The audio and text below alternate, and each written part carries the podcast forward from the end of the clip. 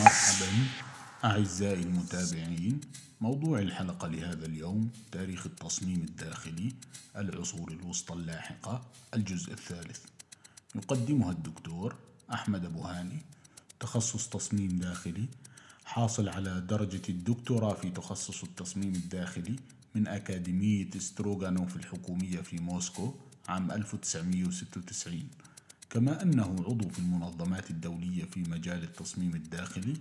وفي لجان التحكيم لتخصص التصميم في العديد من المؤسسات التعليمية. نحن برعاية طهبوب تجربة منزلية مطلقة. نادرا ما استغل العمل الإيطالي بشكل كامل لإمكانيات القوس القوطي المدبب وعلى ما يبدو من الرومانسي مباشرة تقريبا إلى عصر النهضة ما بعد القوطية كاتدرائية ميلانو بدأت عام 1390 وهي أكبر عمل قوطي وأكثرها ثباتا في إيطاليا. يحتوي على مخطط صليب أو صليبي وصحن مركزي مرتفع ومرات جانبية مزدوجة وكلها مقببة في القاعدة وتراكب غني من التفاصيل الزخرفية من الداخل والخارج وإثراء الزخرف له تأثير في إرباك صفات المساحة الداخلية مما يجعل ميلانو مثيرة للإعجاب وفي الوقت نفسه مخيبة للآمال وتبقى سينا 1245 1380 قريبة من التقنيات الهيكلية الرومانية. على الرغم من أنه استخدام الحجر الفاتح والداكن بالتناوب في الخطوط يعطي التصميم الداخلي جودة خاصة بتظهر الجبهة الغربية عددا كبيرا من الزخارف القوطية مع بعض من نفس الفائض الزهري الذي يميز ميلانو وبتحتوي كاتدرائية فلورنسا سانت ماريا ديل فيوري 1296 ل 1462 على صحن قوطي يؤدي إلى معبر مثمن مع ثلاث مثمنات نصف مشعة بتشكل transept أو chancel وتقترح مبنى مخطط مركزي مقصود يحول الصحن الطويل إلى صليب عدم قدرة البنائين القوطيين على حل مشكلة إكمال المثمن المعبر وترك المبنى غير مكتمل حتى أكمل تصميم عصر النهضة المبنى بالقبة العظيمة التي ستتم مناقشتها في الأجزاء اللاحقة من المحاضرة. المباني القوطية الدنيوية. تضمن أو تضمن بناء العصور الوسطى في العصر القوطي مجموعة واسعة من المباني بخلاف الكاتدرائيات تم بناء الكنائس الأصغر حجما بأعداد كبيرة وأحيانا باستخدام القبو الحجري ولكن في كثير من الأحيان بأسقف خشبية من نفس النوع. وكانت تستخدم تستخدم مجموعة متنوعة من المباني الدنيوية أو المعيشية أو الحياتية وتم بناء قاعات المدينة قاعات نقابات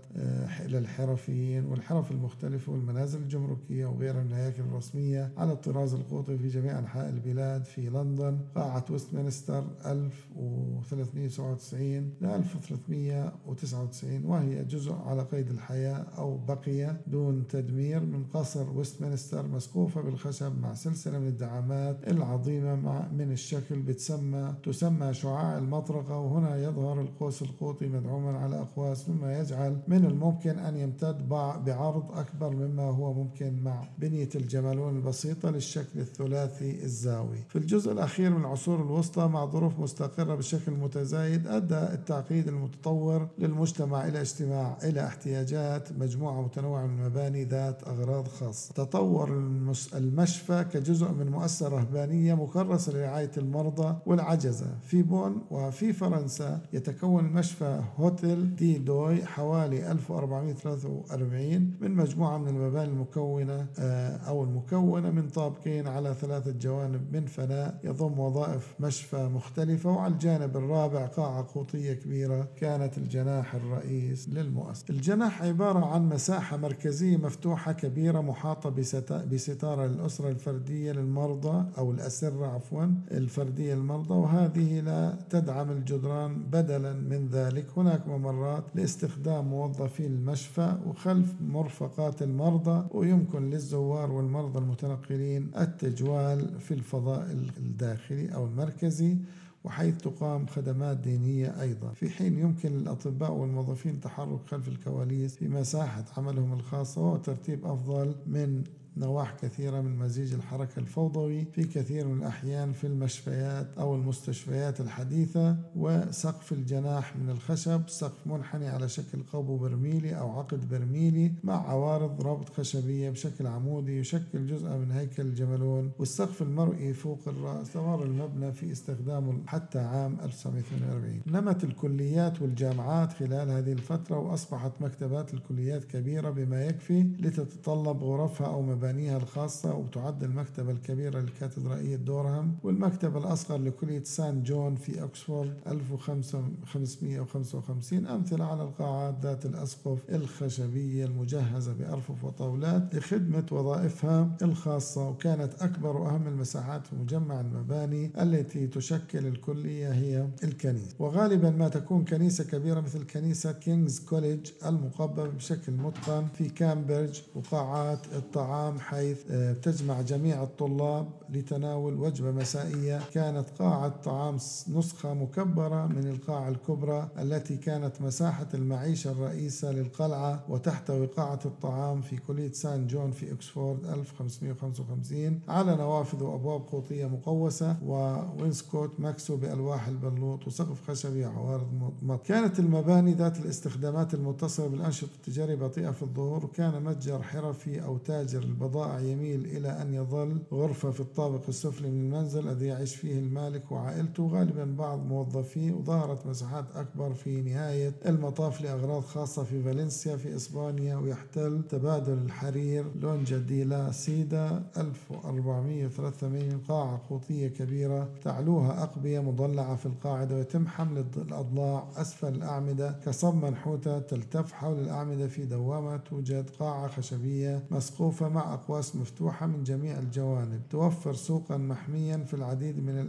البلدات والمدن الأوروبية القديمة والمساحة الداخلية لقاعة السوق في كريمي وفي فرنسا هي مثال جيد على ذلك. نأتي على القلاع والقصور. استمر بناء القلاع والقصور. طوال العصور الوسطى يعود بتاريخه إلى بعض أكبر القلاع حتى نهاية الفترة التي بدأ فيها اختراع البارود في جعل القلعة نوعا من المباني القديمة وكانت القلاع آه، قلاع الفترة القوطية بتحتوي على أماكن معيشة أكثر تفصيلا وأكثر راحة من الأمثلة السابقة والعديد من هذه التصميمات الداخلية محفوظة جيدا وبعض القلاع الكبيرة والمثيرة للإعجاب مثل كارن كارنارفون وكونوي. كلاهما بدأ عام 1283 في ويلز في حالة خراب داخلي ولكن العديد من القلاع الأخرى لديها مساحات سليمة مثل القاعة الكبرى في ستوكساي في شروبشير 1285 1305 بجدرانها الحجرية ونوافذها التي تعلوها أقواس قوطية وسقفها الخشبي المبتور. تحتوي قلعة بوديان في ساسكس 1386 على خطة مربعة منظمة متناظرة حول كلا المحورين مع وضع أبراج في كل زاوية وفي مراكز كل جانب بطريقة تشير إلى التخطيط الأكثر انتظاما الذي سيصبح شائعا لاحقا. في إيطاليا تتمتع المباني مثل القصر القديم في فلورنسا من 1298 ل 1314 بصفات قلعة أو قلعة من أوائل العصور الوسطى على الرغم من أن وظيفتها كانت الأكثر حداثة في قاعة المدينة في كادورو في البندقية حوالي 1420 وبتظهر أشكال التتبع الزخرفية حساسية تصميم القوط الإيطالي مع الظروف الأكثر استقرارا في العصور الوسطى المتأخرة بدأ الأثرياء والأقوياء في التخلي عن القلاع التي تعيش لصالح المنازل الكبيرة وأحيانا مع الخنادق والجسور المتحركة ولكن بدون دفاعات متقنة من جدران وأبراج. في إنجلترا تعيش العديد من منازل العزب هذه أو العزب. التي تسمى لأنها تضم رب منحة أو رب أرض إقطاعية أو قصر مع التصميمات الداخلية في حالة جيدة تظل القاعة هي الغرفة الرئيسة لجميع الأغراض كما هي الحال في القلعة في أحد طرفيها. عادة ما يكون هناك نوع من منطقة الدهليز تسمى الشاشات لأنه, من لأنه تم تقسيمها بواسطة الشاشة خشبية وقد دعم هذا أيضا الشرفة أعلاه معرض من minstrels حيث يمكن الموسيقيين أو الفنانين الأداء متصلة بمطابخ ومخازن في الطرف الآخر من القاعة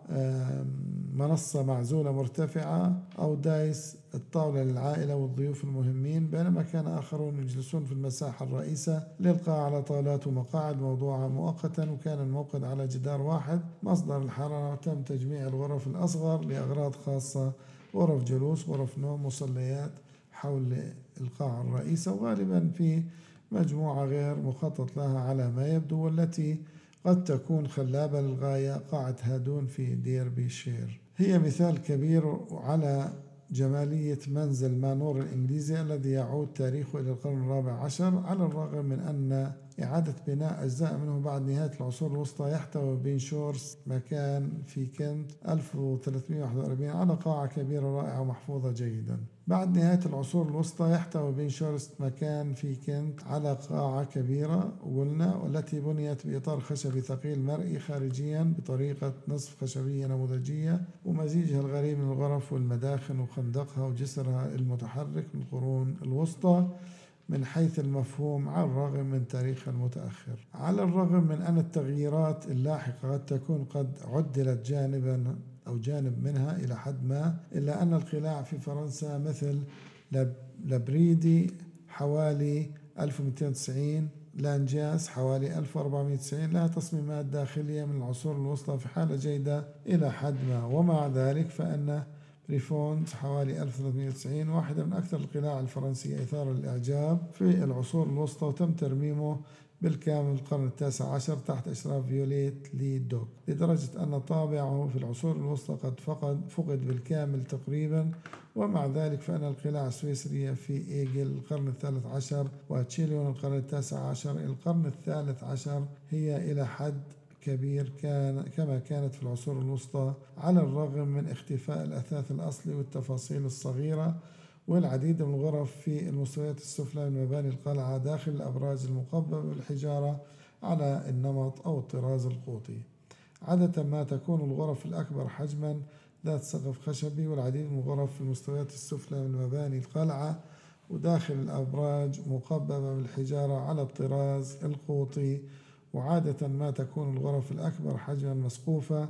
وما تحتوي الغرف الرئيسة على مدفأة كبيرة وعادة ما يكون غطاء المحرك. النوافذ صغيرة بشكل عام ألواح زجاجية من الرصاص ومصاريع خشبية داخلية. المقاعد حجرية مرتبة أسفل وأعلى جانبي النوافذ داخل سمك الجدران. يعني مثل النيش بالجدران. وفرت مقاعد قريبة من الضوء وأي حرارة قد توفرها الشمس وكان معظم الأثاث متحركا ومؤقتا على الرغم من أن الأسرة الأكثر تفصيلا وغالبا ما تكون مع الستائر والستائر لصالح كل من الدفء والخصوصية المهمين أو أصحابها والمعلومات الأكثر تفصيلا حول التصاميم الداخلية الأرستقراطية في العصور الوسطى تأتي من اللوحات التي توضح المخطوطات والكتب وغالبا ما أعطت مثل هذه الكتب من قبل الأثرياء والأقوياء كرموز للشرف أو الحب. على الرغم من أن معرفة الرسم المنظور الصحيح لم تكن متاحة لفناني العصور الوسطى إلا أن المساحات غالبا ما تظهر بطرق واقعية تماما. تقريبا في 1500 بدأوا برسم منظور الفراغات الداخلية. على يد أحد الرهبان في ذلك الوقت. بما في ذلك التفاصيل بلون الأثاث والمنسوجات والأشياء المنزلية الصغيرة. تنقسم اللوحات لديها الكثير لتخبره عن المناطق الداخلية في العصور الوسطى إلى فئتين. تلك التي توضح الموضوعات الكتابية أو غيرها من الموضوعات الدينية حيث يتم وضع الشخصيات في إعدادات مألوفة للفنان في وقته الخاص والرسوم التوضيحية المهرجانات والمآدب والزيجات والتتويج والأحداث المماثلة في ذلك الوقت. الرسام لويس ليديت توفي عام 1478 على سبيل المثال. يظهر ولادة ابن القديسة مريم على أنها تحدث في غرفة نوم من القرون الوسطى حيث توجد مدفأة ضخمة مفتوحة وسرير قوطي مضلل تشغله الأم وكرسي قوطي بذراعين إلى الجانب وسرير هزاز قوطي أنيق للرضع. حديثي الولادة. أغطية السرير والوسائد والشراشف والبطانيات كلها من المنسوجات الملونة التي تبدو حديثة بشكل مثير للدهشة في الطابع. رسم الفنان نفسه مأدبة زواج تجري في قاعة ذات أرضية من البلاط الأنيق والموسيقيون يعزفون الأبواق على الشرفة. يجلس حفل الزفاف على الطاولة الرئيسة بينما يجلس الضيوف على طاولة جانبية طويلة كل منهما مغطى ببياضات أسرة فاخرة اللوح الجانبي القوط المتقن يحمل لوحات يتم تمرير الأطباق القليلة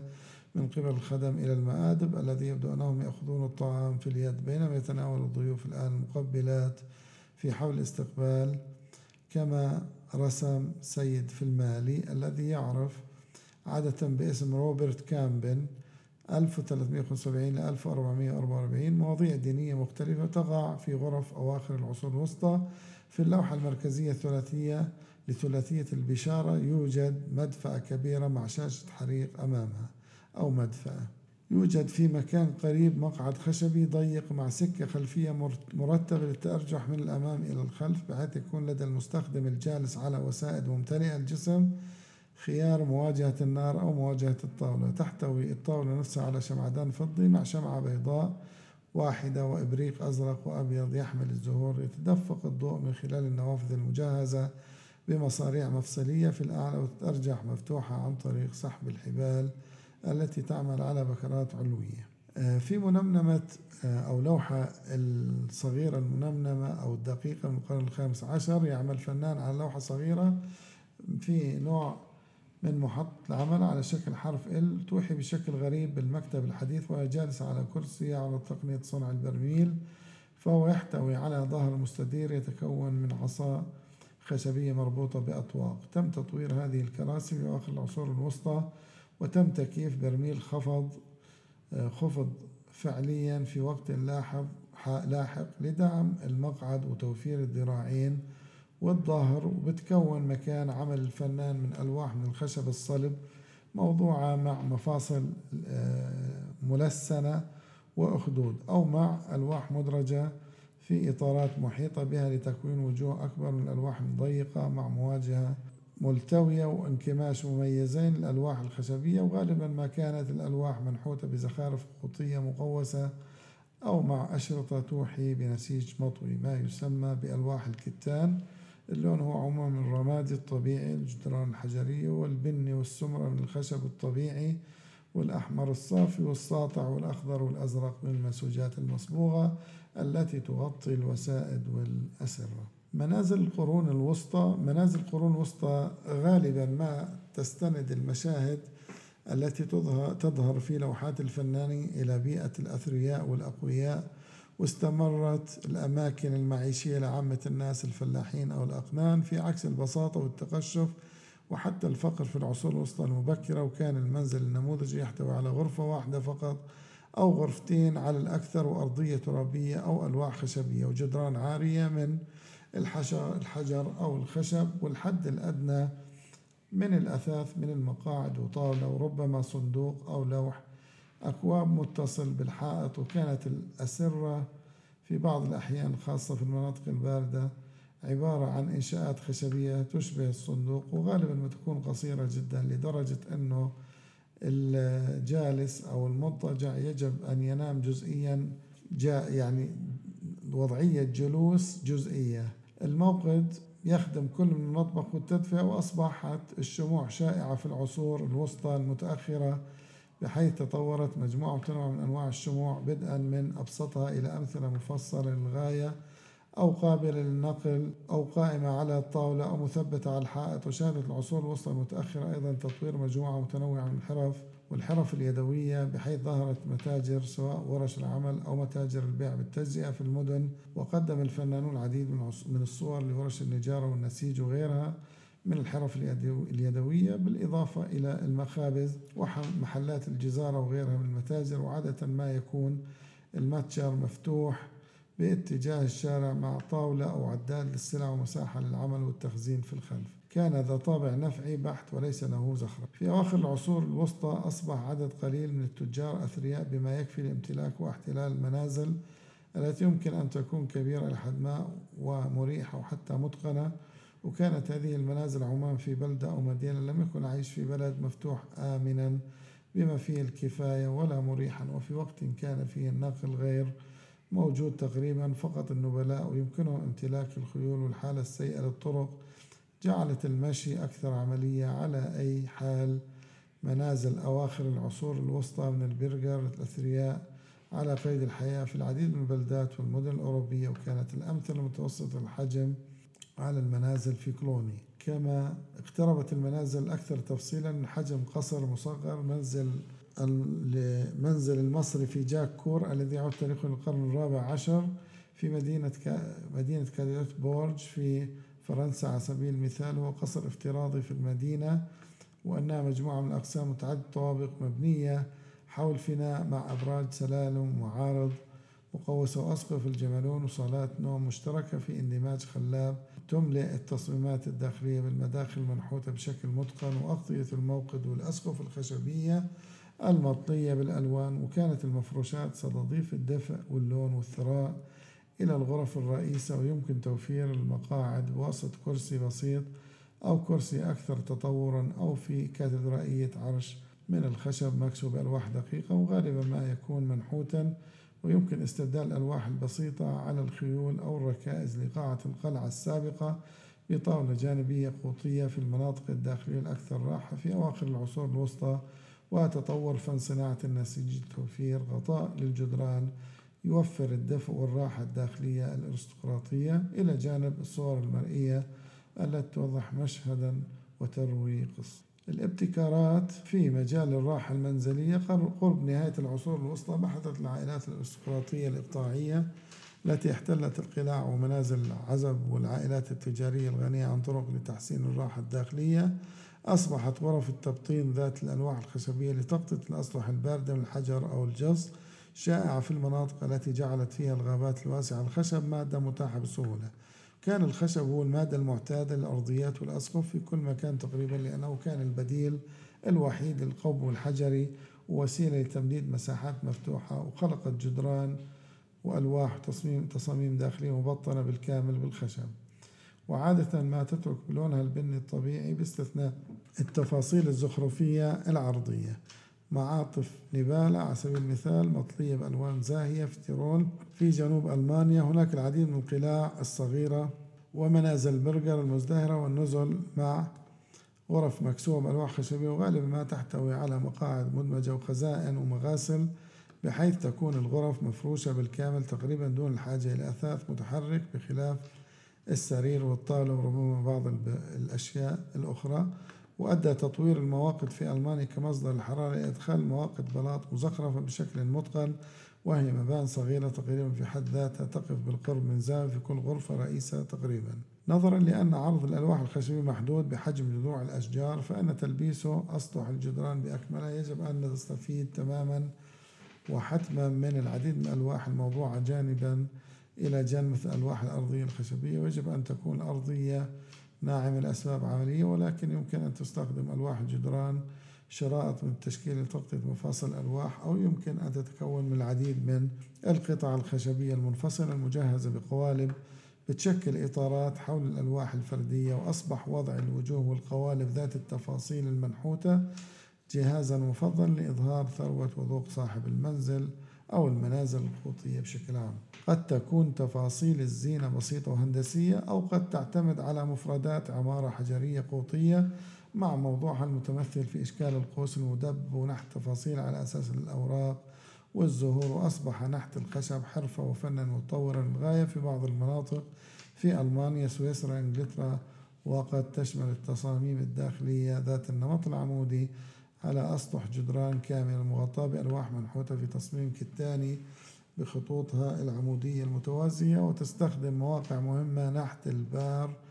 relief منخفض الإغاثة وغالبا ما تأخذ مواضيع من عالم الحيوان والنبات الدروع الشعائرية وتم تصميم الأجزاء النفعية من مباني العصور الوسطى مثل الأقبية والمطابخ والمخازن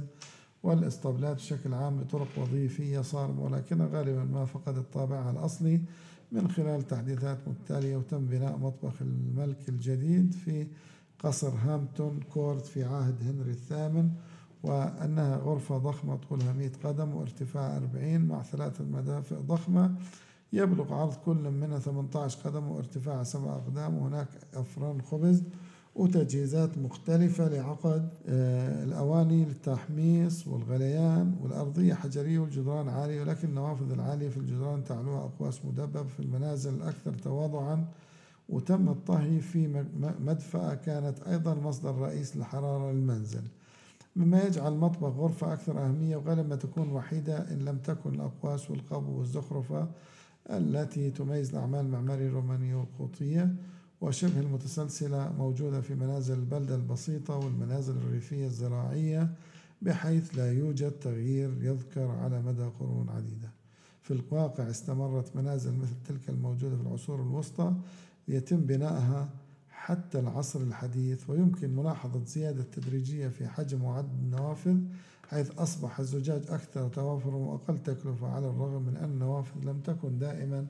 موضع ترحيب في المناخات الباردة حيث يمكن أن تكون مصدر المسودات أو في الجنوب حيث كان الكثير من الشمس غير مرغوب فيه بنفس القدر في إنجلترا. وإلى حد ما في هولندا يبدو أن هناك فهما